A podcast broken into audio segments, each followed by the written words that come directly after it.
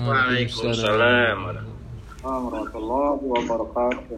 Bismillah, alhamdulillah, wassalatu wassalamu ala rasulillah, sayyidina wa maulana Muhammad ibn Abdullah, wa ala alihi wa sahbihi wa mawala, la hawla wa la quwwata illa billahil aliyyil azim.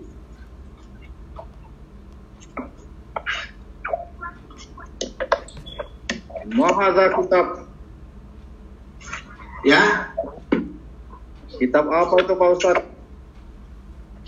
kitab Al-Mawsu'atul Yusufiyah fi bayani adillatis sufiyah. Karangannya Ustaz Dr. Yusuf Khattar Muhammad.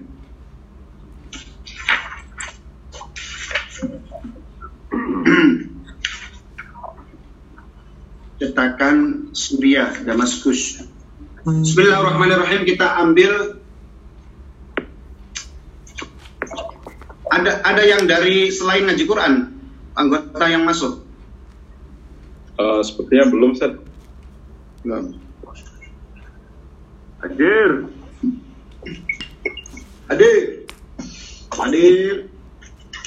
Bismillahirrahmanirrahim Salatut tarawih Salatut tarawih hiya qiyamul laili fi syahri Ramadhanil mubarak wa hiya sunnatun sallaha Rasul sallallahu alaihi wasallam was sahabah munfaridina kullin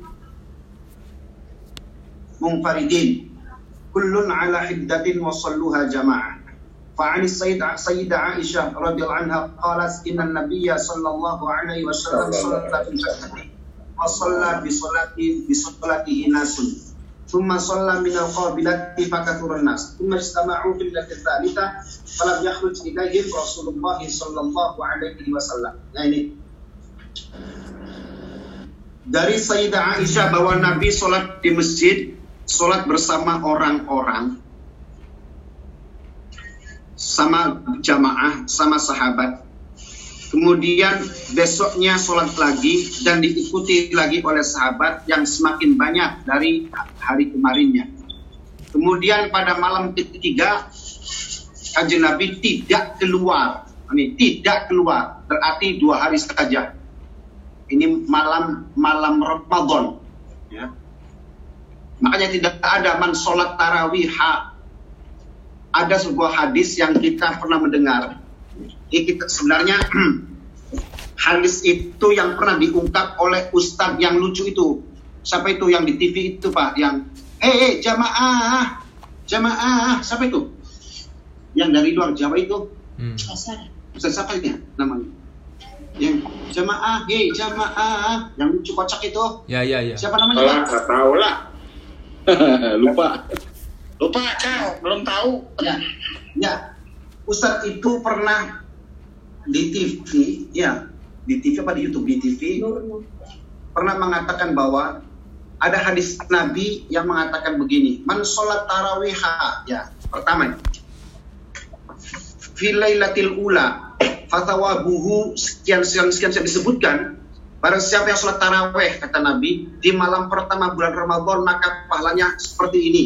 Malam kedua seperti sampai 30 Ramadan, setiap malam itu ditulis pahalanya berapa-berapa. Awas ya. Kitab itu juga pernah saya ngaji, pengambilan hadisnya, rujukannya, yaitu kitab namanya Durratul Nasihin. Apa namanya Pak? Durratul Nasihin. Duratul nasi. Oke, bagus. Kitab itu di Indonesia, para kiai-kiai kampung, kiai-kiai kota juga, kiai santren, itu juga banyak memiliki. Di kampung juga banyak. Dan itu isinya eh, banyak tentang mau'idhah, tentang pitutur, tentang hadis, tentang macam-macam di situ. Nah, para kiai-kiai untuk ceramah tuh memakai kitab itu kebanyakan. Karena banyak anu sih cerita-cerita banyak ya hadis-hadis dan cerita dibungkus dengan cerita-cerita. Nah, tapi bagi kiai pesantren yang mengenal betul tentang uh, ilmu hadis dan sebagainya, mereka tidak menyampaikan hadis-hadis palsu yang terdapat yang banyak terdapat dalam kitab itu karena kitab itu tidak mencantumkan takhris hadisnya ya. Jadi waruwiya anin Nabi sallallahu alaihi wasallam, Nabi diriwayatkan dari Nabi begini begini begini. Qala Nabi begini gini, waruwiya begitu baik. Wa qala sallallahu alaihi wasallam tidak menyebutkan dari siapa, ruangnya ruangnya siapa, gitu Pak. Hadis ini nilainya seperti apa? Tidak diterangkan. Jadi hadis itu murni uh, banyak ya banyak ya. Karena ada sih rawahu muslim ada. Rawahu bukhari juga ada. Kitab itu tuh ada yang hadisnya begitu dan kebanyakan ada yang tidak disebutkan siapa perawinya dari siapa asal hadis itu tidak ada takhrijnya sehingga sehingga membuat banyak pertanyaan para ulama-ulama dan ternyata sebagian ulama sudah melihat bahwa banyak sekali dalam kitab tersebut hadis-hadis yang memang tidak bersanad artinya hadis palsu pak hati-hati. Di KK kampung banyak yang memiliki kitab itu karena kitab itu sudah ada yang diartikan di mana dengan bahasa Jawa. Oke, okay? ada bahasa Arabnya, kemudian di artosipun tegese di keterangan gitu, pakai bahasa Jawa di bawahnya. Begini, begini, begini, begini. Ada yang sudah dan itu banyak. Bahkan dalam versi bahasa Indonesia pun sudah ada kitab namanya Duratul Nasihin. Nah kita harus hati-hati saja kitab itu ya, karena banyak memuat hadis-hadis palsu. Nah di antaranya tadi, barang siapa yang sholat taraweh di malam pertama pahalanya seperti ini, taraweh yang kedua malam malam kedua seperti ini terus. Nah dari kalimatnya saja, bukan hanya tidak disebutkan dari siapa hadis itu, riwayat siapa, bagaimana nilainya, status hadisnya, di samping tidak ada keterangan itu, juga tidak logis ketika Nabi mengatakan man sholat tarawiha. Dari bahasanya saja ini sudah salah. Sebab kata-kata tarawih tidak pernah disebutkan oleh Nabi Shallallahu Alaihi Wasallam untuk menyebut sholat di malam Ramadan seperti yang tadi baru sampaikan hadisnya dari Aisyah radhiyallahu anha. Nabi tidak pernah menyebut atau Sayyidah Aisyah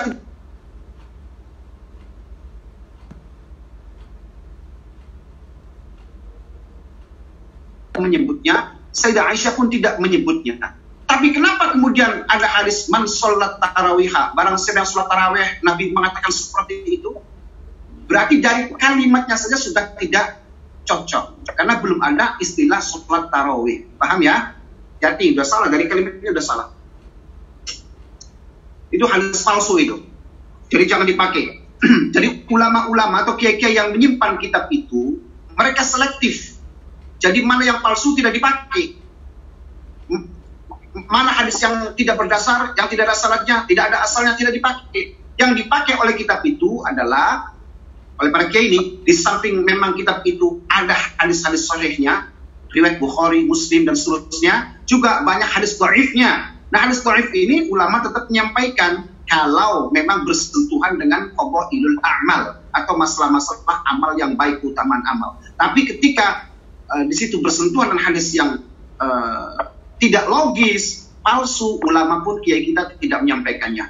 Kecuali orang-orang yang belum tahu, belum mengerti. Ya, seperti halnya ya ustaz itu tuh yang jamaah-jamaah yang saya lihat itu itu hadis palsu disampaikan. Nabi mengatakan ibadah tidak itu bukan hadis itu palsu. Dari kalimatnya saja sudah jelas salah. Ya, man sholat tarawih. Karena saat itu tidak ada sebutan tarawih kanjeng Nabi. Amas, adanya koma mangkoma Ramadana bukan man sholat tarawiha fi Ramadan tapi mangkoma Ramadan itu adanya seperti itu dan tidak ada juga uh, malam satu tanggal pertama pahalanya begini malam kedua sampai 30 hari ada semua di situ. Saya punya kitabnya soalnya karena saya pernah ngaji ngaji di kiai ngaksain. Gitu. Berarti memang diajarkan juga di pondok-pondok karena bahasa Indonesia-nya ada bahasa Jawanya juga sudah ada terjemahannya. Ya. ثم اجتمعوا في الليلة الثالثة فلم يخرج إليهم رسول الله صلى الله عليه وسلم. Malam pertama kajian Nabi sholat berjamaah dengan beberapa sahabat. Kemudian malam kedua kajian Nabi keluar lagi sholat setelah sholat isya kumpul juga para sahabat banyak. Tambah banyak daripada kemarin, berarti dua kali. Di malam ketiga, para sahabat sudah kumpul lebih banyak daripada hari pertama dan hari kedua tetapi falam yakhruj ilaihim Rasulullah sallallahu alaihi wasallam. Tapi kanjeng Nabi tidak keluar, tidak menuju masjid.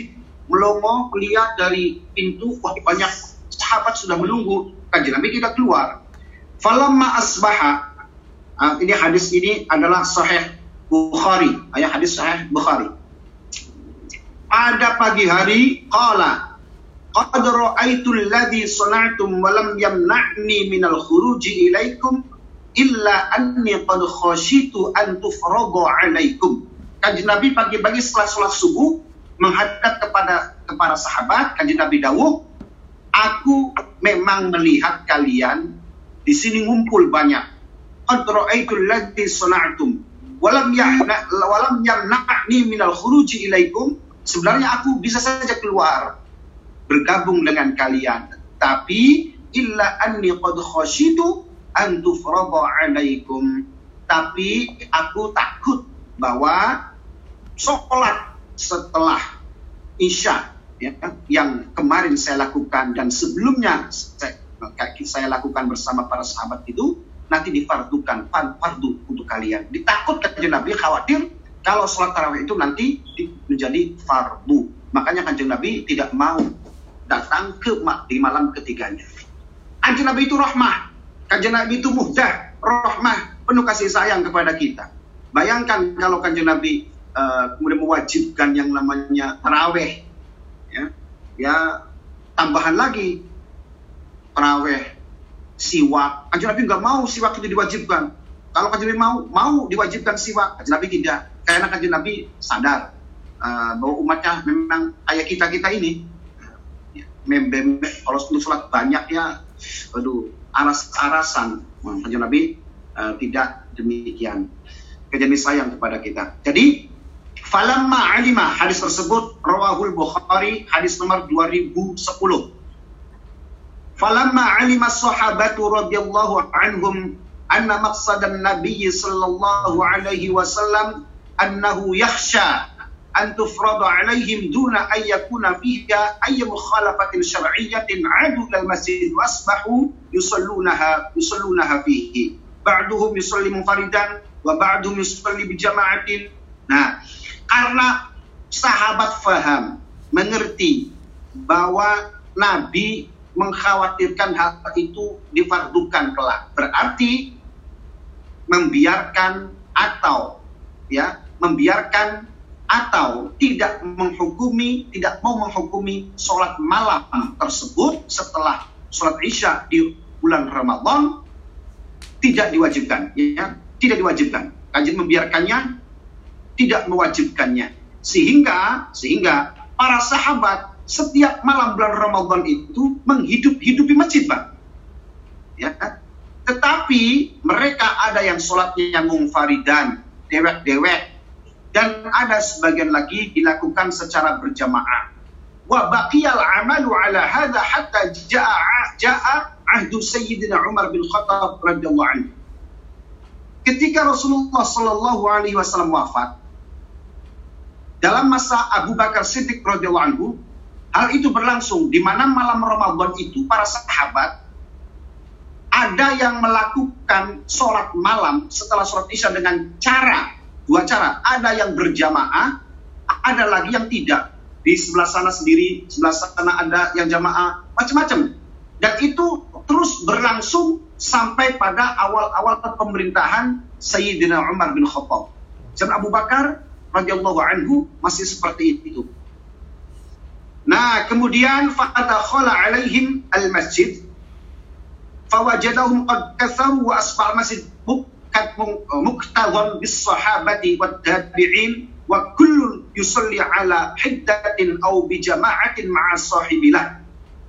Pada satu ketika rupanya sahabat Umar bin Khattab uh, riwah melihat keadaan dalam masjid itu tidak teratur. Ada yang sholat sendiri, ada yang dua orang berjamaah dua orang sama temennya Ada yang tiga orang jamaah, ada yang sendiri di sana, macam-macam tidak beratur di masjid ini. Sayyidina Umar melihat hal itu uh, apa namanya reward, nya reward kan. Makanya uh, repot amat dilihatnya, nggak enak dilihatnya oleh Sayyidina Umar. Di situ sudah banyak sahabat dan tabi'in, tabi'in juga sudah hadir jelas ada mereka yang tidak melihat Rasulullah Shallallahu Alaihi Wasallam, namanya tabi'in, hidup bersama sahabat. Mereka juga sudah banyak yang berkumpul di masjid dan sholat dalam keadaan seperti itu. Kemudian baru Sayyidina Umar bin Khattab radhiyallahu anhu membuat satu peraturan yang tidak dibuat oleh Rasulullah Sallallahu Alaihi Wasallam, yaitu menetapkan kepada Sayyidina Ubay bin Ka'ab radhiyallahu anhu.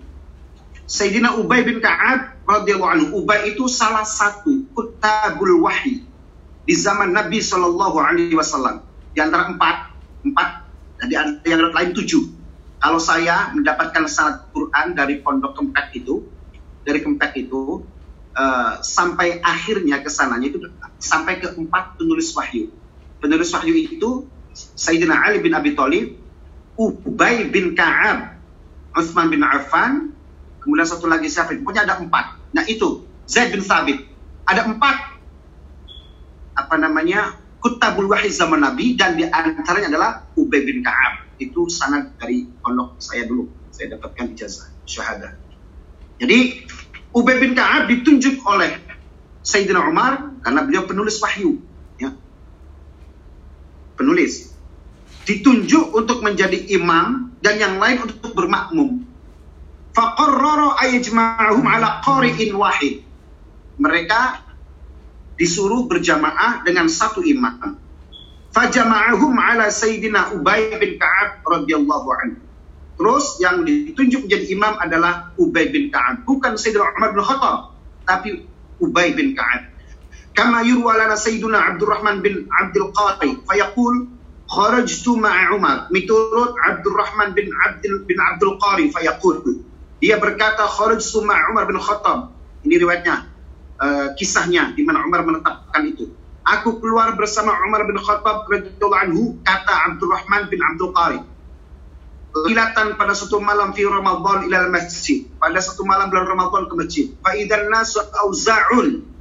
Aku melihat manusia berpencar-pencar mutafarriquna. Yusolli ar-rajuli nafsi. Ber, berpencar-pencar ada yang sholatnya sendiri. Wa yusolli rajul fa bi roh itu ada sebagian lain yang sholat berjamaah. Jadi ada yang dewek-dewek, ada yang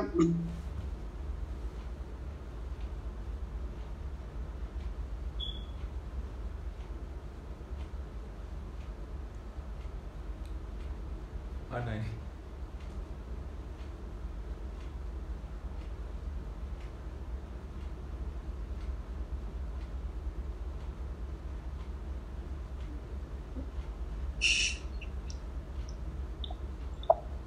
Aceh. Oh hilang.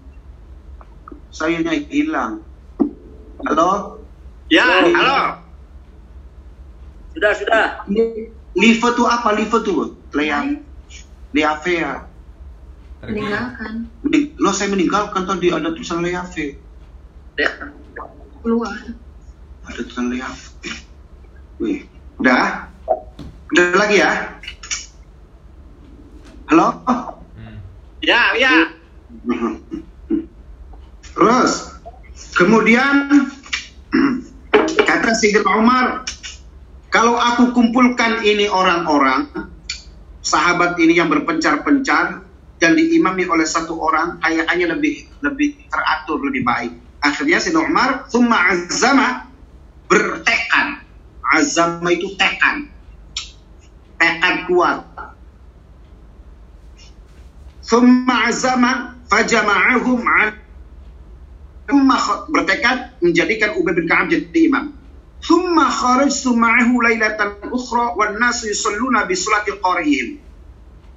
Nah, kemudian besoknya baru ditentukan yang memimpin im, menjadi imam adalah Ubay bin Ka'ab. Kemudian Umar melihat perubahan itu dan waduh indah sekali. Satu imam ya jamaahnya satu. Artinya jamaah semua berjamaah dengan satu imam. Kemarin kan sendiri-sendiri macam-macam.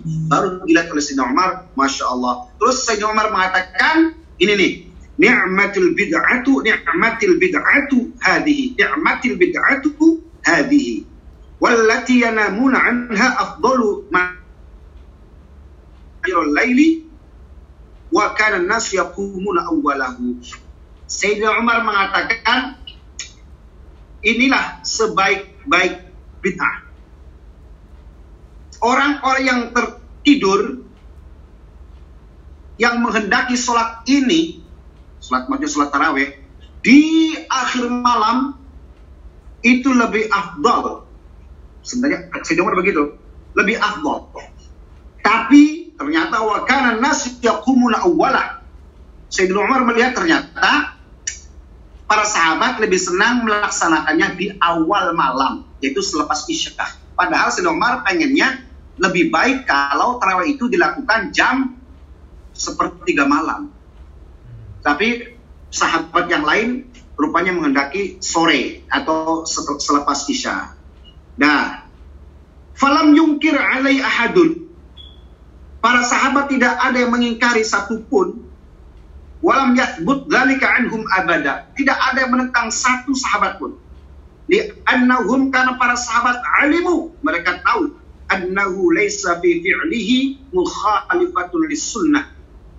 Karena sahabat tahu apa yang dilakukan oleh Sayyidina Umar tidak bertentangan dengan sunnah, tidak bertentangan dengan Rasulullah Sallallahu Alaihi Wasallam.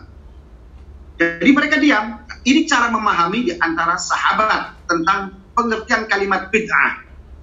Ya, kullu bid'atin dolalah. Setiap bid'ah itu sesat. Sayyidina Umar mengatakan, ni'matil bid'atu hadihi. Inilah baik-baik bid'ah. Coba lihat. Umar mengatakan ada bid'ah yang baik. Ada bid'ah yang baik.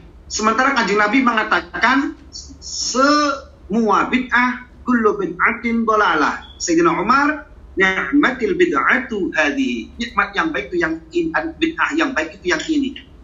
Jadi Sayyidina Umar mengecualikan dari kalimat kullu katakan ni'matil bid'atu hadhihi bahwa ini adalah bid'ah yang baik. Nah sekarang ada orang ngomong ketika Nabi Shallallahu Alaihi Wasallam mengatakan kullu bid'atin dol semua bid'ah itu adalah bola sesat. Kemudian yang mengatakan bahwa ketika Nabi mengatakan itu, adakah orang siapa pun itu yang berani mengatakan ada bid'ah yang tidak baik? Jawabannya ada. Sayyidina Umar bin Khattab di antaranya mengatakan bahwa bid'ah inilah sebaik-baik bid'ah. Imam Syafi'i mengatakan bid'ah ada dua, mahmudah dan magmumah. Bid'ah yang terpuji dan bid'ah yang tercela. Imam Is bin Abdissalam membagi lima kategori bid'ah. Yaitu bid'ah mewajibah, bid'ah muharramah, bid'ah mubahah, bid'ah makruhah, dan bid'ah mandubah. Itu para ulama. Dari mulai Sidang Umar, Imam Syafi'i, sampai para ulama-ulama yang lain pun meng- ada mengkategorikan ada bid'ah yang tidak sesat. Loh, jadi orang yang mengatakan bahwa orang yang mengatakan bahwa setiap bid'ah sesat, apa pun sesat semuanya, itu jelas-jelas tidak memakai standar keilmuan. Karena Sayyidina Umar bin Khattab pun mengatakan ni'matul bid'atu hadhihi. Oke, itu adalah kalimatnya sendiri sudah jelas menunjukkan bid'ah. Ni'matil bid'atu hadhihi. Inilah bid'ah yang baik. Berarti apakah Sayyidina Umar tidak memahami hadis Nabi kullu bid'atin dolalah? Apakah Sayyidina Umar tidak mengerti yang dilakukan itu apakah bertentangan dan tidak dengan Rasulullah Shallallahu Alaihi Wasallam? Tentu beliau lebih paham, lebih paham daripada kita karena beliau memang hidup bersama Nabi, santrinya Rasulullah, selalu bersama Rasulullah, sangat paham betul tentang bahasa Arab. Oke. Jadi kalau ada sekarang pengertian ada am khos, ya, itu adalah dalil umum tapi yang dimaksud adalah khusus. Itu kan ilmuwan ilmuwan masa kini, Pak. Para ulama-ulama. Zaman dulu kan sekarang sudah paham ya tidak ada ilmu seperti itu, am khos dan sebagainya. Tidak. Yang udah paham betul. Nah, kemudian dibuat oleh para ulama seperti itu untuk memahaminya. Itu ilmu usul, ya. Usul fiqih, terus macam-macam. dibuat berbagai ilmu itu untuk memahami eh, syariat teks-teks Al-Quran maupun Sunnah sehingga tidak salah kaprah kalau tidak dibuat ilmu itu orang mengatakan Ustaz bid'ah sesatnya sesat KB. Nah Umar gimana kalau mengatakan bid'ah itu ini ini bid'ah yang baik. Lalu bagaimana? Jawabannya berarti kan jelas tuh harus dibuat sebuah ilmu yang bisa mempetakan, yang harus mengkategorikan mana eh, am, mana khos, mana am wa iradatil khos dan seterusnya. Ya, kalimatul am tapi yuradu bihi al khas. Macam Nah, sahabat tidak ada yang menentang apa yang dilakukan dan dipelopori oleh Sayyidina Umar bin Khattab. Inda man qata'a 'anil khuruj di Ramadan. Innama kana sahabat ini, innama kana dzalik khasyata firadil qiyam alaihim. Sahabat itu tahu betul, tahu betul eh, bahwa sholat tarawih itu kanjeng Nabi tidak keluar malam ketiganya karena takut dikhawatirkan. Wal'an qadin taqala sayyiduna Muhammadun sallallahu alaihi wasallam. Qadin taqala sayyiduna Muhammadun ilal hayatil barzakhiyah wa tawaqqafa nuzulul ahkam falam ya'ud simmatu ayyi mani'in min istima'ihim ala imamin wahid wa salatihim jama'atan bil masjid la siyama anu akmala fil khusyu'i wa aktsara thawaban salati munfaridin Rasulullah sallallahu alaihi wasallam yaqul alaikum bisunnati wa sunnatil khulafa'ir rasyidin al mahdiyyin addu 'alaiha bin nawajil. Jadi kita sholat sekarang ini berjamaah selama 30 hari. Nah, Kanjeng Nabi tidak melaksanakannya 30 hari, cuma dua hari kan hmm. dalam riwayat tadi. Dua hari, ketiganya Nabi tidak keluar. Ada riwayat yang lain, hari ketiga Nabi hadir di masjid, sholat berjamaah. Makin banyak juga. Keempatnya Nabi tidak hadir. Jadi ada beberapa riwayat. Kalau tadi Bukhari sahih, dua hari, tiga hari Nabi tidak keluar. Nabi tahu sahabat banyak ini, tapi Nabi tidak keluar. Nah, ketika tidak ada penentangan dari para sahabat yang lain tentang apa yang dipelopori oleh Sayyidina Umar bin Khattab radhiyallahu anhu, maka itu menjadi ijma. Sahabat diam, tidak ada yang mengingkari, setuju, berarti namanya ijma. Mereka sepakat, sepakat. Yang mereka melakukan semua berjamaah semua tidak menentang. Mereka sepakat dengan apa yang dicetuskan oleh Sayyidina Umar. Kesepakatan itu disebut dengan ijma. Kalau ijma itu tidak dibuat meeting, meeting terus berdialog, terus ada konsensus dengan akwal, ya, karena memang ada dua yang namanya uh, ijma.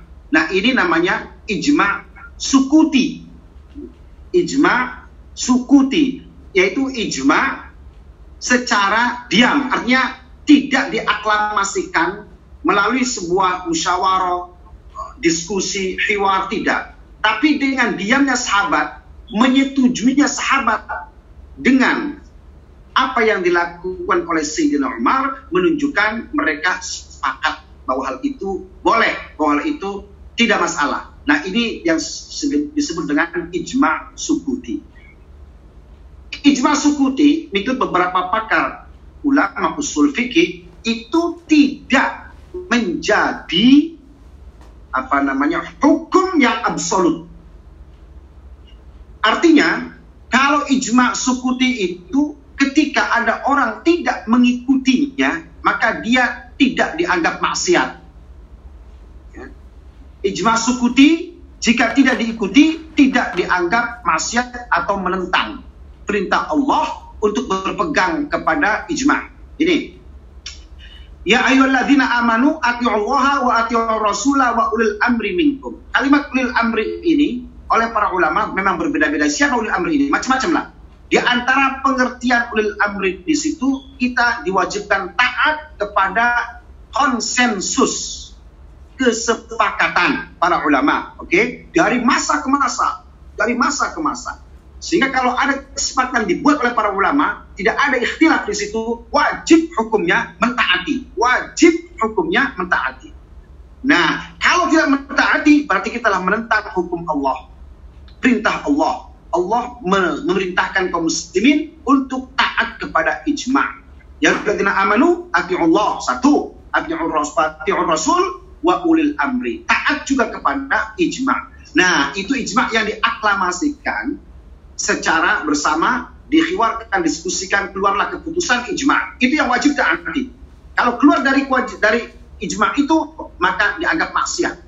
Tapi kalau ijma sukuti bukan ijma yang dianggap absolut. Artinya orang yang tidak mengikuti ijma sukuti ini tidak dianggap maksiat. Ya, tidak dianggap menentang Al-Qur'an.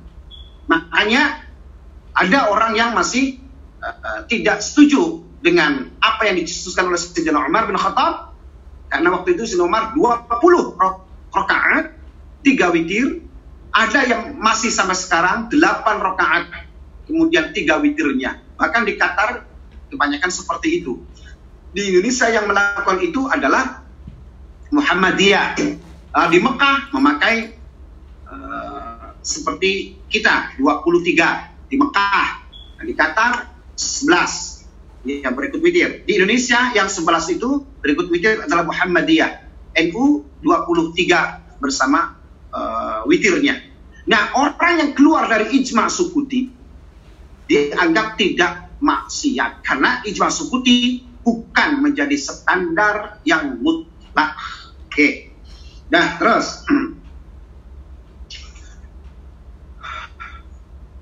Kenapa kemudian kita diperintah Nabi untuk untuk mengikuti sunnah khulafai rasyidin. Alaikum bisunnati wa sunnatil khulafai rasyidin al-mahdiyyin. Khulafai rasyidin itu termasuk Sayyidina Umar, ya. Abu Bakar, Umar, Utsman, Ali. Dalam cara apa? Bukan hanya perilaku, tapi juga pemikiran, Pak. Istihad. Sayyidina Umar itu beristihad, istihad. Istihad. Jadi kita diperintahkan oleh Allah, oleh kanjeng Nabi, alaikum bisunnati wa sunnatil khulafi rasyidin. Sunnah itu perilaku cara. Baik itu perilaku yang real, pekerjaan, amalia, atau atau da, cara pola pikir. Sayyidina Umar melakukan atau mencetuskan Sayyidina Ubay bin Ka'ab menjadi imam, itu kan berawal dari pemikiran, istihad. Jadi kita ini para ulama, ulama sampai sekarang, kalau ada satu masalah kemudian berijtihad, itu memang mewarisi, mewarisi hadis Nabi, alaikum bisunnati wa sunnatil rasyidin, diperintahkan kita untuk mengikuti cara pikir sahabat, termasuk Sayyidina Umar. Cara pikirnya, istihad. Kita diperintahkan beristihad. Kalau ada masalah, apa pun itu, tidak ditemukan dalam Al-Quran, dalam hadis, coba pakai cara Umar dalam masalah tarawih, yaitu pakai ijtihad. Pakai ijtihad. Gitu. Wa yaqulu aidan iqtadu billadzaini min ba'di Abi Bakrin wa Umar. Lebih spesifik lagi ada sebuah hadis Nabi Shallallahu alaihi wasallam tentang perintah untuk mengikuti Sayyidina Abu Bakrin dan Umar bin Khattab radhiyallahu anhu.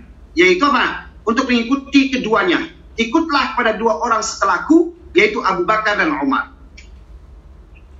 Ini, Sayyidina Abu Bakar itu cara berzakatnya tidak seperti syariat Islam yang ditentukan oleh Rasulullah Sallallahu Alaihi Wasallam. Ada ketentuan zakat dalam Islam itu zakat mal dua setengah persen, misalkan panen 10 persen. Sekarang Sayyidina Abu Bakar kalau sedekah itu tidak memakai standar itu. Ada uang, ada harta, bruk, bruk, bruk. Sayyidina Talha bin Ubaidillah juga begitu. Tidak pakai hitung-hitungan, tidak pakai hitung-hitungan. Padahal syarat menentukan kalau satu nisab ya sekian persen. Tapi yang mereka lakukan tidak pernah melakukan hal seperti itu. Jadi kalau punya harta, buang, buang, buang saja. Sedekah, sedekah, sedekah saja. Mereka tahu bahwa itu ada hal kebaikan. Melebihi standar yang tidak ditentukan. Ini masalah. Lah kanjeng Nabi sholat dua rakaat, eh, dua malam. sholat taraweh dua malam, ya selebih di rumah beliau itu. Sekarang 30 hari di masjid full. Zakat itu setengah persen, tidak sepakai zakat, semua saja Abu Bakar bin Khattab. Sayyidina Umar melakukan satu bulan full di masjid. Kanjeng Nabi cuma terawih dua malam. Tidak ada aturan 3, 4, 5, 6, 7, nggak ada. Tidak mencontohkan Nabi di rumah. Kalau mau konsekuen dengan apa yang dilakukan Nabi ya sudah. Terawih kita ini dua hari di masjid. 8, 28 hari atau 27 harinya di rumah. Itu persis Nabi Shallallahu Alaihi Wasallam. Nah, jadi yang namanya kebaikan tidak ada masalah. Dua, dua setengah persen lebih malah tidak dihitung-hitung ulah berber saja. Yang dua hari kaji Nabi sebulan.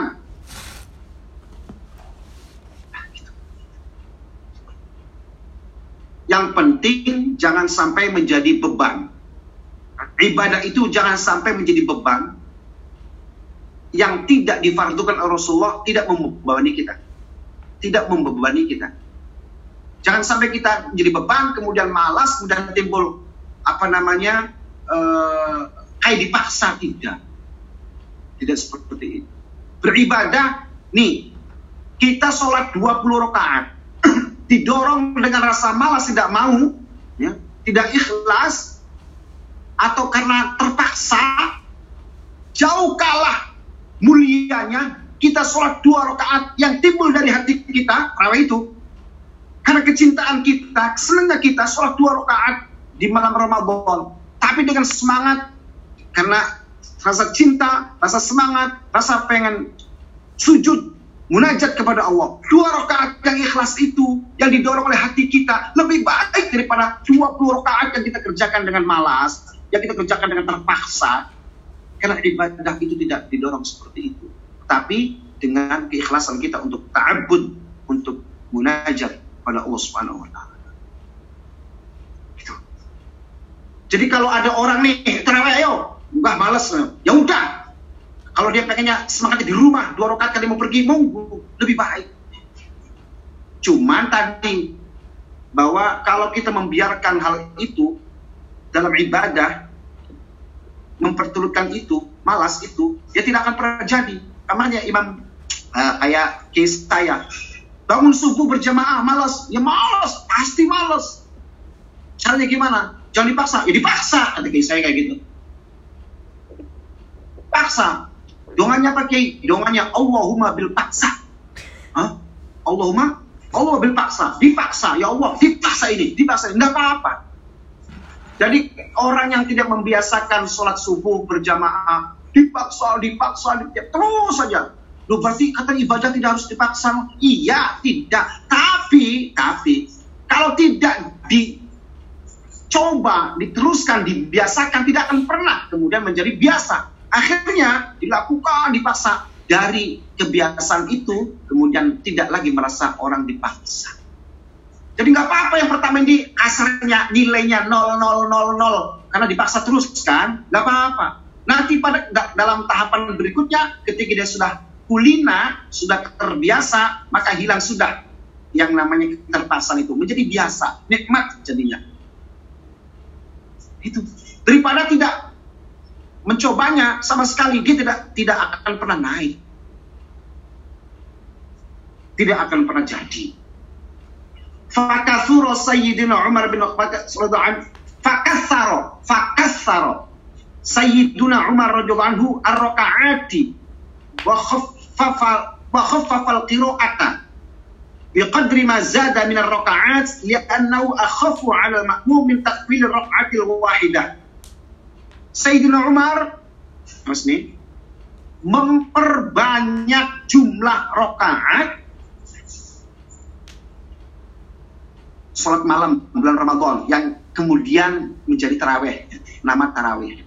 Sholat malam atau taraweh lah kita bilang taraweh saja. Sayyidina Umar menambah memperbanyak jumlah rokaatnya tapi menyedikitkan kiroat. Artinya bacanya bacaannya tidak panjang. Yang panjang yang diperbanyak jumlah rakaat si normal. Berbeda dengan Nabi Shallallahu Alaihi Wasallam saat itu.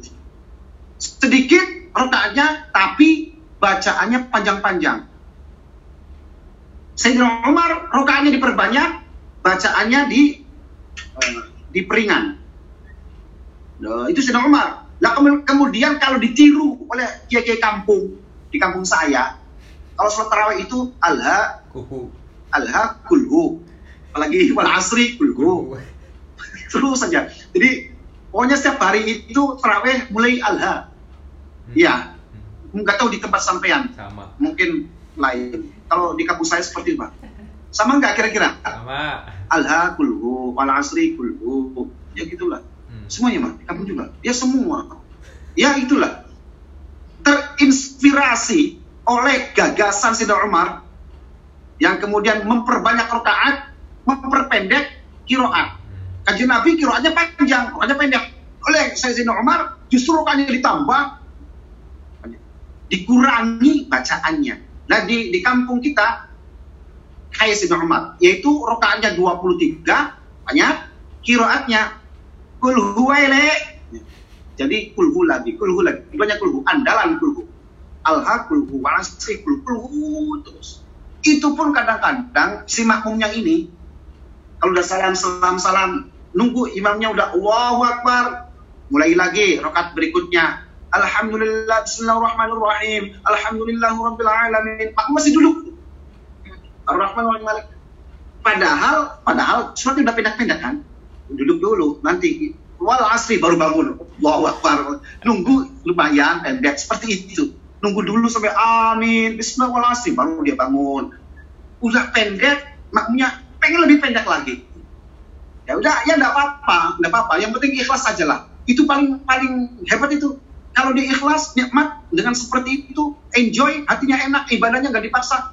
Itu lebih baik, bagus sekali daripada lama-lama timbul ria, pamer khusyuk dan sebagainya. Di ah udah. Ternyata memang nilai keikhlasan dalam ibadah jauh jauh lebih eh, apa namanya lebih mulia karena wa ma umiru illa liya'budullaha wa ma umiru illa liya'budullaha mukhlisin Tuh, ikhlas. Itu yang terbaik itu. Jadi, sampai yang sejuta nyumbang sambil merengut dan 100 ribu, 50 ribu dengan ikhlas dan senyum, jauh 100 ribu apa? Eh, yang 100 ribu itu jauh di sisi Allah lebih mulia, lebih tinggi pahalanya daripada satu juta dengan merengut. Ikhlas paling penting. Ditata, ditotok hatinya supaya ikhlas. Terus, وعندما قال رضي الله عنه نعمة البدعة هذه إنما قصد بها القيام في بداية الليل لا كما كان صلى الله عليه وسلم يقوم في أوسط أو على jadi Sayyidina Umar radhiyallahu anhu wa arda benar-benar mengatakan bid'ah itu bukan yang dimaksud adalah uh, inna qasada في qiyam fi لا kama kana yaqumu kal- kama kana sallallahu alaihi wasallam fi akhir bukan menunjukkan apa namanya bukan uh, Nabi sholat di awal di tengah dan di akhir bukan. Tapi memang nyata bahwa jumlah rakaatnya pun berbeda dengan Nabi Sallallahu Alaihi Wasallam. Jumlah rakaatnya berbeda caranya pun kemudian Sayyidina Umar uh, sampai sampai satu bulan full bukan dua hari di masjid itu jelas-jelas merupakan uh, perkara baru yang digagas oleh Sayyidina Umar bin Khattab radhiyallahu anhu wa. Wa qad kanat ta'ifatun minas salafis salih dan juga ada sekelompok dari salafus soleh yakumuna bi arba'ina rakaatan.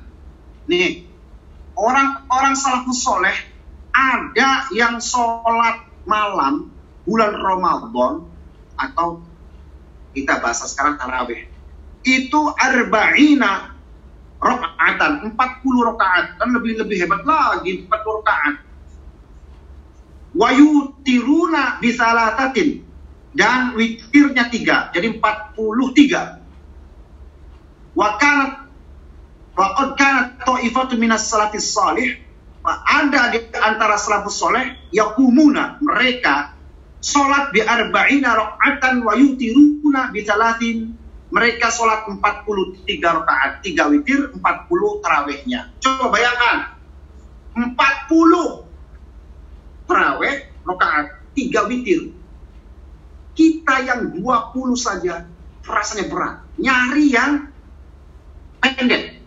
Sholatnya yang pendek. Imamnya yang full 120 km per jam.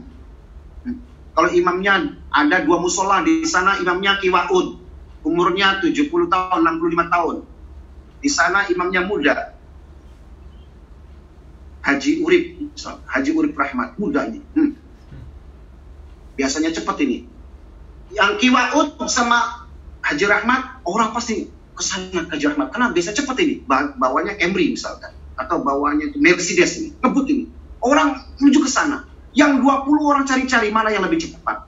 Wah itu kiwaud malas. Bismillahirrahmanirrahim. Alhamdulillah. Lama. Cari yang cepat.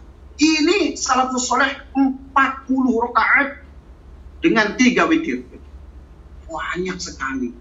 Wa akharuna ada salaf yang lain generasi salaf juga mereka para ulama ulama salaf bisittin wa thalathina bisittin wa thalathina 36 rakaat wa yutiruna bi thalathin dan tiga witirnya. Jadi 30 36 36 tambah 3 36 tambah 3 tambah 3 39 Iya, 39 ya? Ngerti matematik. 39.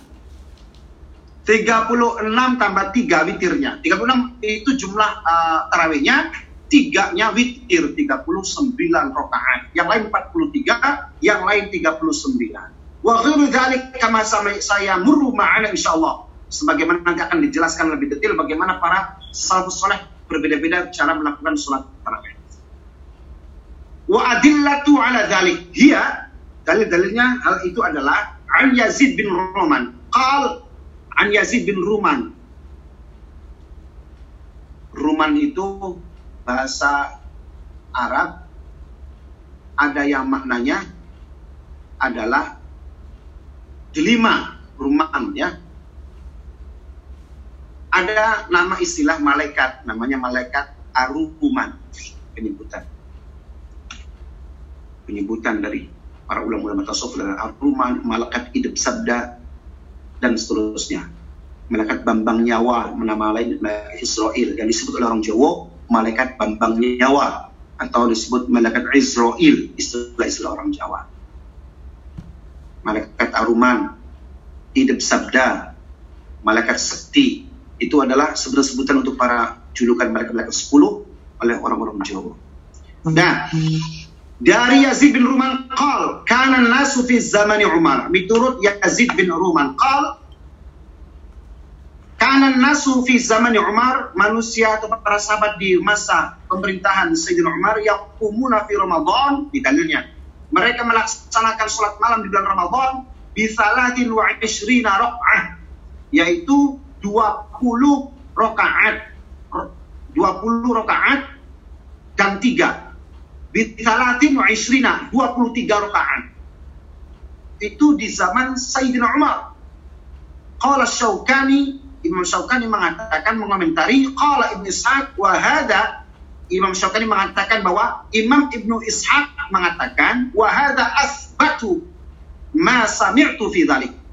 Ini yang sangat jelas dan fakta bahwa Sayyidina Umar memang di zaman itu melaksanakan sholat malam 23 rakaat. Wis, itu menjadi saya katakan konsensus walaupun ijma'nya sukuti. Jadi lebih kuat sekali untuk dipegang uh, sebagai dalil sholat tarawih. Karena kalau mau mengikuti Nabi ya dua malam, sebelas dua malam, jangan yang lainnya, jangan seterusnya sampai akhir. Di masjid dua malam nanti di rumah yang lainnya. Dan juga jangan dua malam saja, jangan 30 hari. Tarawihnya, 20 dua, dua malam aja di masjid. Baru yang lainnya di rumah. Tidak ngumpul di masjid. Kalau mau konsekuen. Buktinya, yang 11 pun ya di masjid gitu kan. Di masjid. Padahal, Sayyidina Umar, yang di masjid selama 30 itu, ya 23, bukan, bukan 11. Bukan 11. Uh, bisa dilihat dalam uh, Akhrajahu Malik fil Muwatta pada halaman 106 apa yang dikatakan Imam Ibn Ishaq tersebut. Wa an Sayyidina Sa'ib bin Yazid radhiyallahu anhu qal kanu yaqumuna ala ahdi Umar bin Khattab radhiyallahu anhu fi syahri Ramadan bi 20 rak'atan wa kanu yaqumuna apa ini? Bil mi'atain bil mi'atain kata Sayyidina Sa'id bin Yazid radhiyallahu an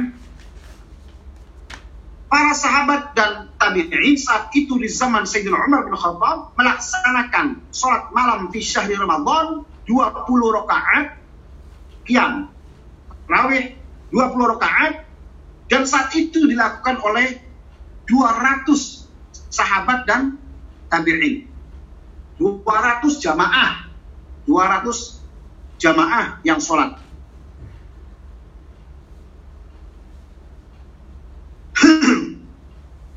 Wa akhrajal Marwazi itu bisa dilihat dalam tadi riwayat dari uh, Sa'ib bin Yazid radhiyallahu anhu dalam kitab Al-Baihaqi yaitu namanya Sunan Al-Kubro bahwa Sayyidina Umar salat tarawih, salat malam 20 rakaat bersama 200 orang. Itu bisa dilihat dalam kitab Sunan Al-Kubro Imam Baihaqi pada jilid 2 halaman 496 dan sebagian yang mensahihkan mensahihkan riwayat tersebut adalah Imam Badrul Aini salah seorang pengarang kitab pensarah syarih sahih Bukhari kemudian Imam Al-Qastolani juga sama salah seorang ulama yang mensyarahi kitab sahih Bukhari namanya kitab Irsyadus Sari karangan Imam Syihabuddin Al-Qastolani 15 jilid.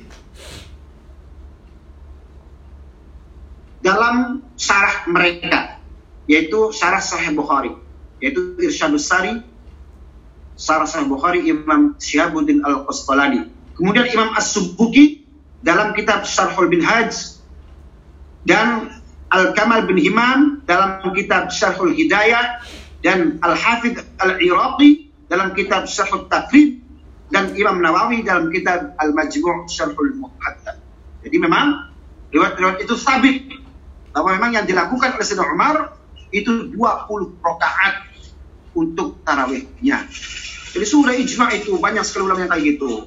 Jadi jangan nyelenehnya ya. Tapi kalau kalau kita mau sholat malam 11 enggak masalah, enggak masalah, enggak masalah. Tapi kalau mau uh, apa namanya mengatakan yang lebih kuat yang mana? Ya tentu yang mengikuti Sayyidina Umar bin Khattab radhiyallahu. Karena itu menjadi ijma dan kita diperintah oleh Nabi untuk mengikuti dua sahabat Abu Bakar dan Umar. Itu yang dilakukan Umar. Maka kita diperintah oleh Nabi untuk mengikuti Umar. Itu istijat Umar termasuk yang 20 rakaat itu. Yang kita ikuti. Kita mengikuti Sayyidina Umar itu berarti mengikuti perintah Rasulullah sallallahu alaihi wasallam iqtadu 'ala alladziin tadi kan iqtadu 'ala alladziini yaitu apa? Iqtadu bil ladaini min ba'di ikutilah dua orang setelahku Abu Bakrin wa Umar. Itu Abu Bakar. Kita diperintah untuk mengikuti Abu Bakar dan Umar. Nah, Umar melaksanakan sholat tarawih eh, 20 rakaat, witirnya tiga. Nah, kita ikuti karena memang itu diperintah oleh Nabi Shallallahu Alaihi Wasallam. Kita lebih kuat mengikuti Umar dalam hal ini. Nah, terus وأخرج المروزي عن زيد بن وهب أنه قال كان عبد الله بن مسعود يصلي لنا في شهر رمضان fayanṣarifu wa alaihi lailun. Qala al-A'mash kami yusalli 20 raka'atan yutiru bi.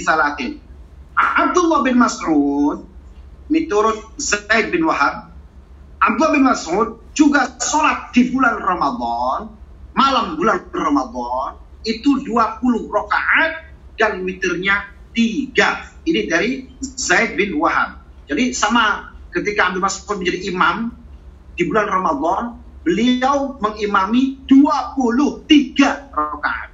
Jadi Ubay bin Ka'ab di zamannya Sayyidina Umar yang memerintahkan di masjid itu 23. Ibnu Abdullah bin Mas'ud juga terawih di uh, Ramadan menjadi imam 23 juga. Wa kadzalika an Dawud bin Qais annahu qala adraktu nasa fi imarati Aban bin Utsman wa Umar bin Abdul Aziz yakni bil Madinah yaqumuna bi sittin wa thalathina rak'atan wa yuftiruna bi thalathin.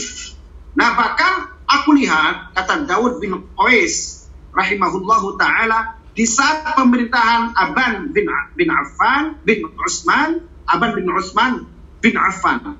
Aban putranya Sayyidina Utsman. Aban bin Utsman bin Affan wa, wa Umar bin Abdul Aziz dan juga sampai pada masa pemerintahan Umar bin Abdul Aziz dari masa pemerintahan Aban bin Utsman hingga Umar bin Abdul Aziz yakni bil Madinah di mana waktu itu uh, dilakukan di Madinah tarawih yakumuna bisittin wa thalathina rakaat 36 rakaat wa yutiruna bi dan witirnya 3 36 witirnya 3 berarti 39 rakaat itu di masa Umar bin Abdul Aziz dan masa pemerintahan Aman Aban bin Utsman wa an Nafi' dari Nafi' qal lam ad, lam udrik an nasa lam udrikin nasa illa wa hum yusalluna tis'an wa thalathin wa yutiruna minha bi thalathin bahkan Imam An-Nafi' mengatakan bahwa aku tidak menemukan orang-orang sholat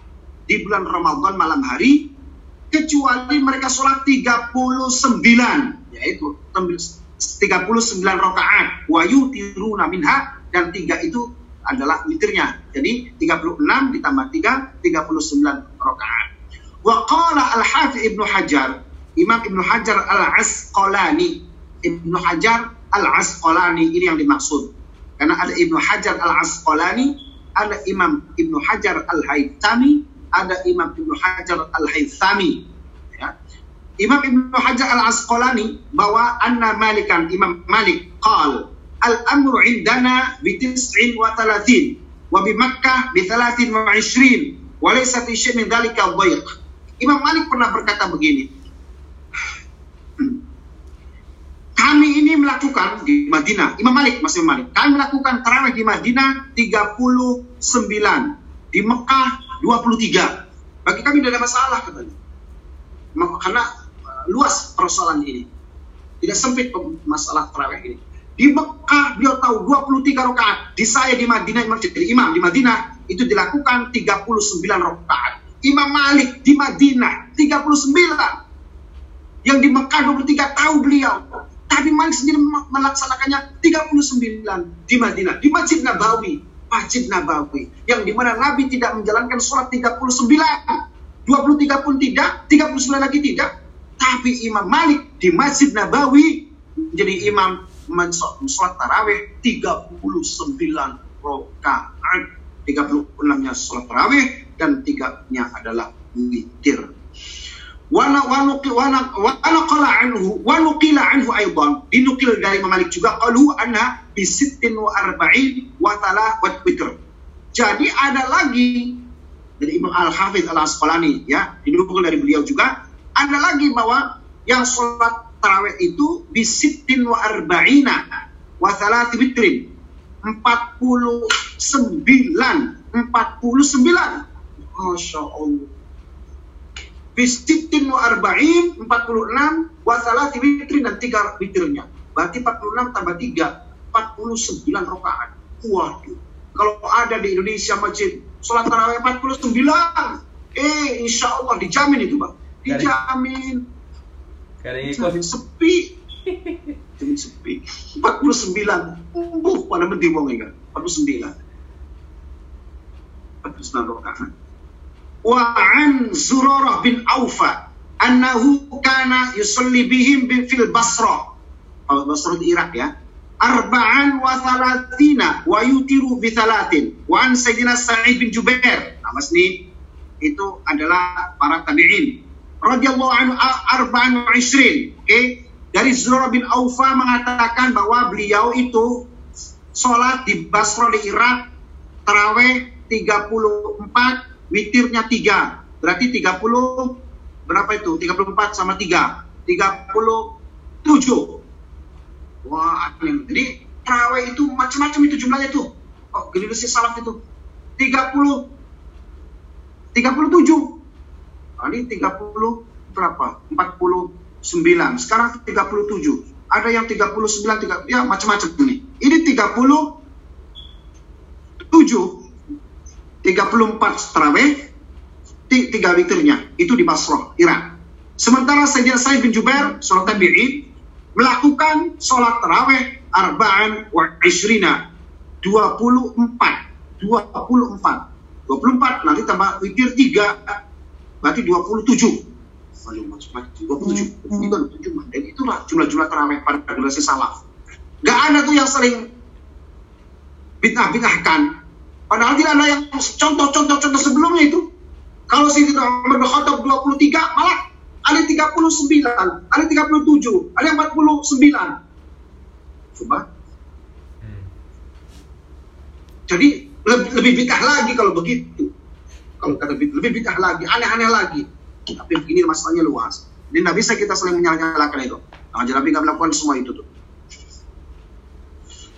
Wa bin Mansur qol qol qultu li Ahmad bin Hanbal qul kam rak'atan yusalli fi qiyam syahri Ramadan faqala qad qila alwan nahwa arba'in wa innam huwa tatawwu. Setelah macam-macam kata Imam Ahmad bin Hanbal ditanya, berapa sih yang benar sholat tarawih itu? Untuk Ramadan. Nah macam-macam katanya. Sampai ada 40 uh, kil 40 per- perbedaan. Semua macam-macam. Tapi itu adalah sunnah kata kata Sayyidina Ahmad Hanbal sunnah silakan mau pilih yang mana tidak masalah. Wa qala Tirmidzi aktsaru ma qila anna usul 41 ma'a witri mitri Tirmidzi miturut Imam At-Tirmidzi ini ya bahwa yang paling banyak dilakukan itu adalah yang 41 rakaat 41 rakaat kata Imam At-Tirmidzi itu ma'al witri 41 bisa jadi bisa jadi. Yang tiga witir yang 38 adalah taraweh 41 rakaat Hmm. nah sekarang bagaimana? Itu standar empat madhab empat madhab ini Zahaba Syafi'iyah wal Ahnaf wal Hanabila Imam Syafi'i Madhab Syafi'i Madhab Hanafi Madhab Hambali ila annaha isruna raka'atan. Nah, ini 20 rakaat. Bi asri taslimatin dengan 10 salaman. Ya jelas ya. Dua rakaat salam. Ini adalah Hanafiyah, Ahnaf, Hanabila dan Syafi'iyah.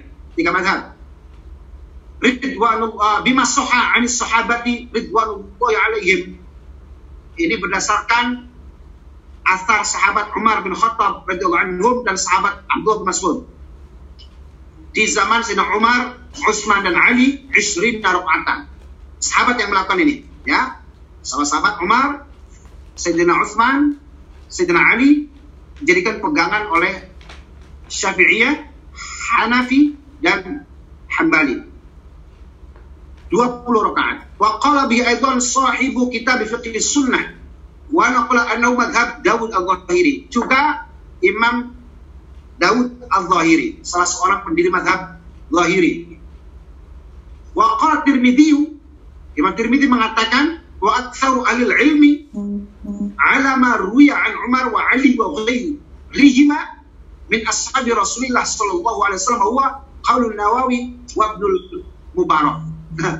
Itu ya itu Imam Tirmidzi yang yang paling banyak dari para ulama alul ilmi yang meriwayatkannya dari Umar dan Ali dari sahabat Nabi Shallallahu Alaihi Wasallam yang 20 rakaat itu itu perkataan Imam Nawawi dan Imam Ibnu Mubarak. Katanya begitu Imam Tirmidzi mengatakan bahwa Imam Nawawi dan Abdullah bin Mubarak mengatakan bahwa yang paling banyak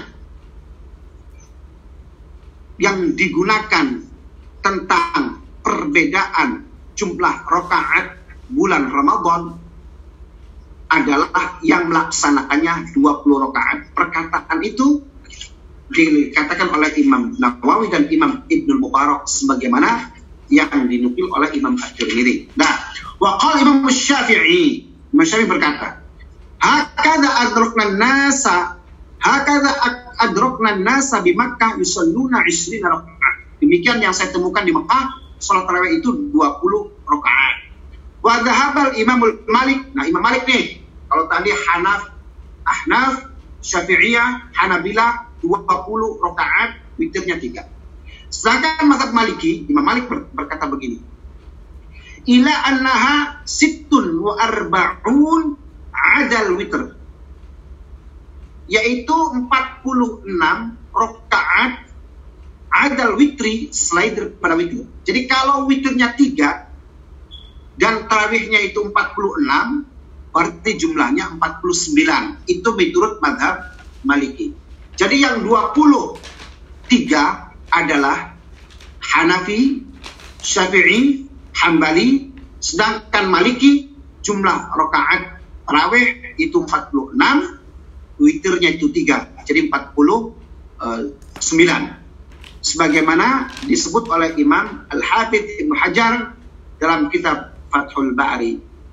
وروى عن وروي عنه ايضا انه قال الامر عندنا بتسع وثلاثين ان التراويح ست ست وثلاثون وثلاثون وتر. Ada juga, ada juga nih riwayat yang dinukil oleh Imam Ibnu Hajar bahwa Imam Malik mengatakan bahwa tarawih itu 39 yang 36 adalah tarawih witirnya itu tiga jadi jumlah semuanya 39 jadi dalam riwayat Imam Malik ada dua 49 dan 40 eh 30 eh, 30 berapa?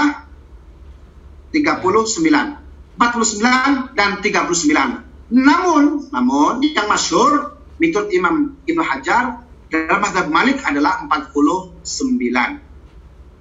Ada yang 39, ada yang 49. Yang masyhur adalah 49 dalam mazhab Malik.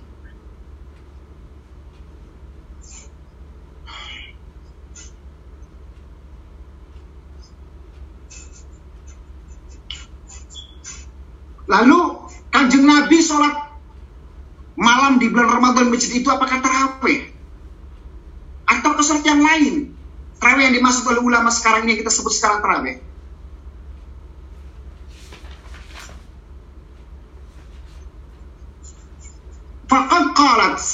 Wa amma warada fi an an sayyidah Aisyah radhiyallahu anha annaha qalat ma kana Rasulullah sallallahu alaihi wasallam yazidu fi Ramadan wala fi ghairihi ala 11 raka'atan. Fakana taqsudu fihi raka'atil witri wa laysa tarawih. Faqad qalat wala fi ghairihi wa fi ghairi Ramadan la yujad salat tarawih. Amma salat tarawih witri fa mushtarakatun baina Ramadan wa ghairihi. Ah, pahami dengan.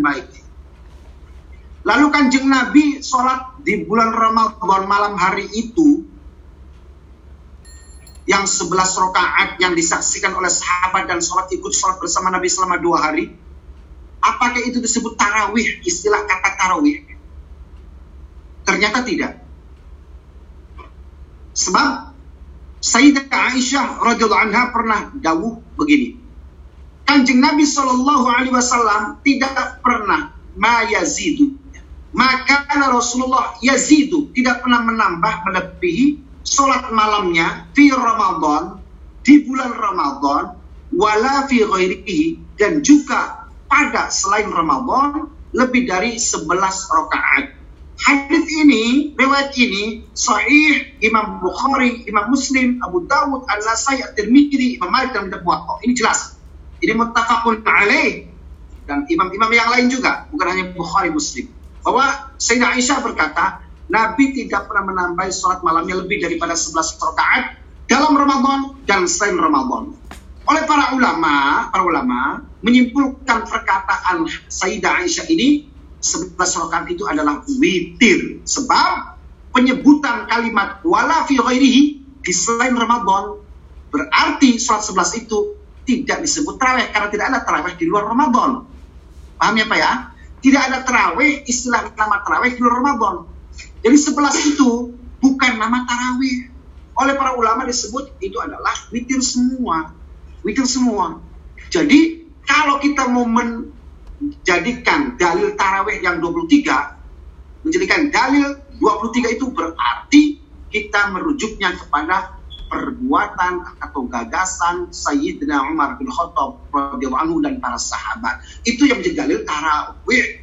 Sebab kanjeng Nabi tidak pernah tarawih 23. Yang sholat Nabi itu 11 rakaat itu adalah semuanya witir. Sebab yang Nabi lakukan bukan hanya di Ramadan, tapi juga di luar Ramadan. Oke lah karena itu tidak pernah ada nama kalimat tarawih untuk selain Ramadan. Sedangkan kanjeng Nabi sholatnya di Ramadan dan di luar Ramadan 11 rakaat.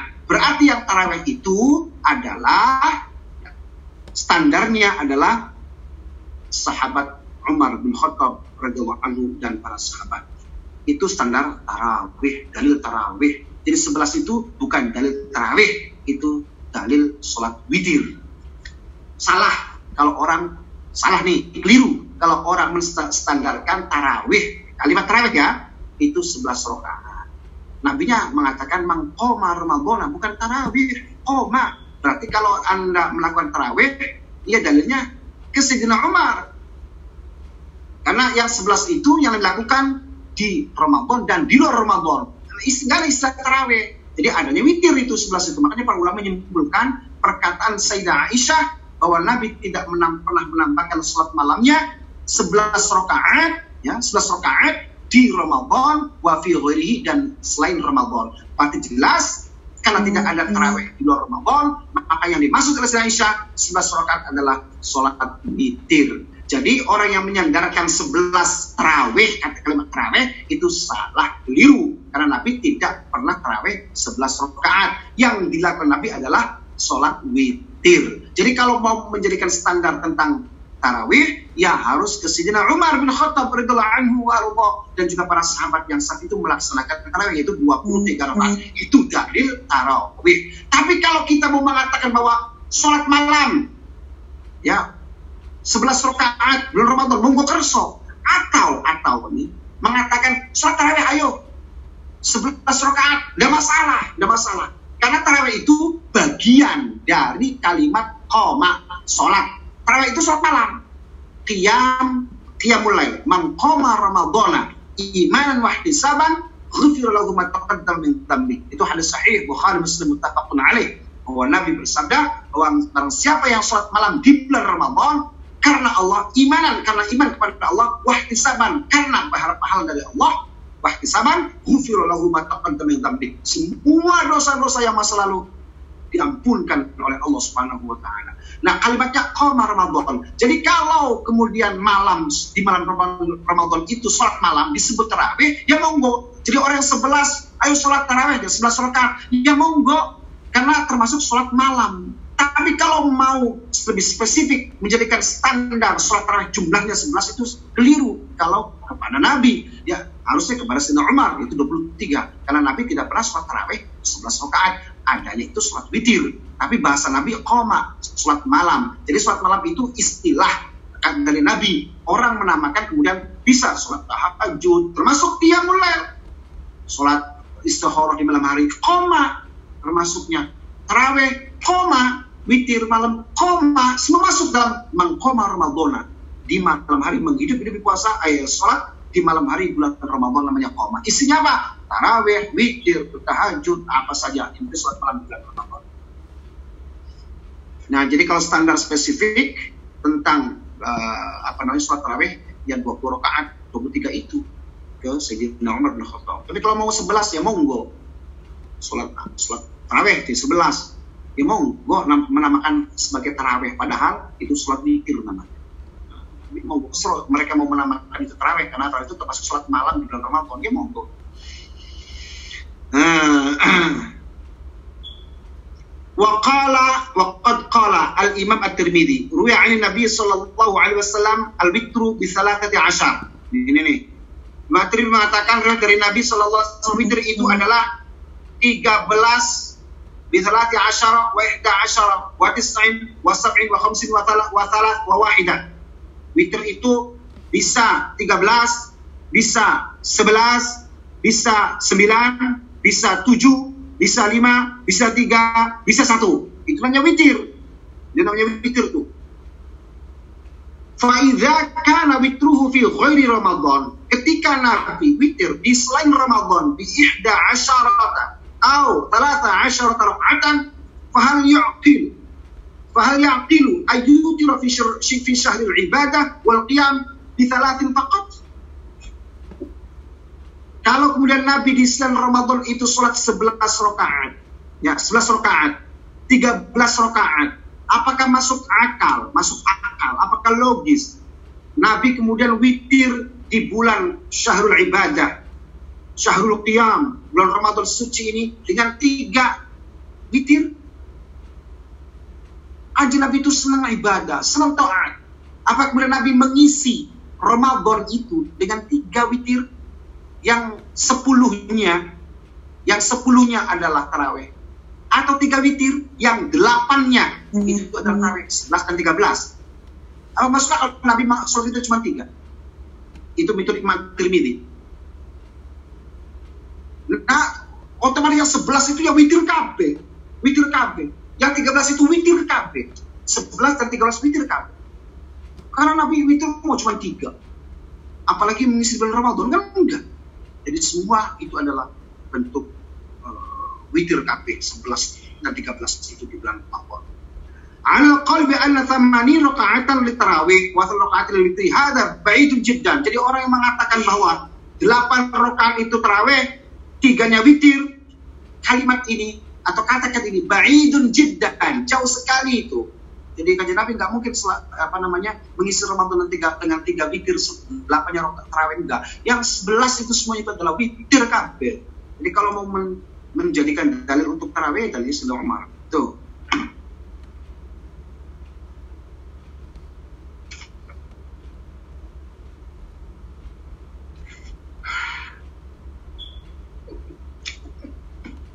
Semoga tekan pegel. Mau cek ngecaprak bae cara. Hujan Gusto yang ngecaprak bae jadi. Bu, ya memang, eh kan namanya kita mah cuma pendengar. Kalau kita ngobrol lagi gimana? Ngomong lagi. Wah, Ayo, monggo, Tuh, monggo. tanya. Ya. Ini mau tanya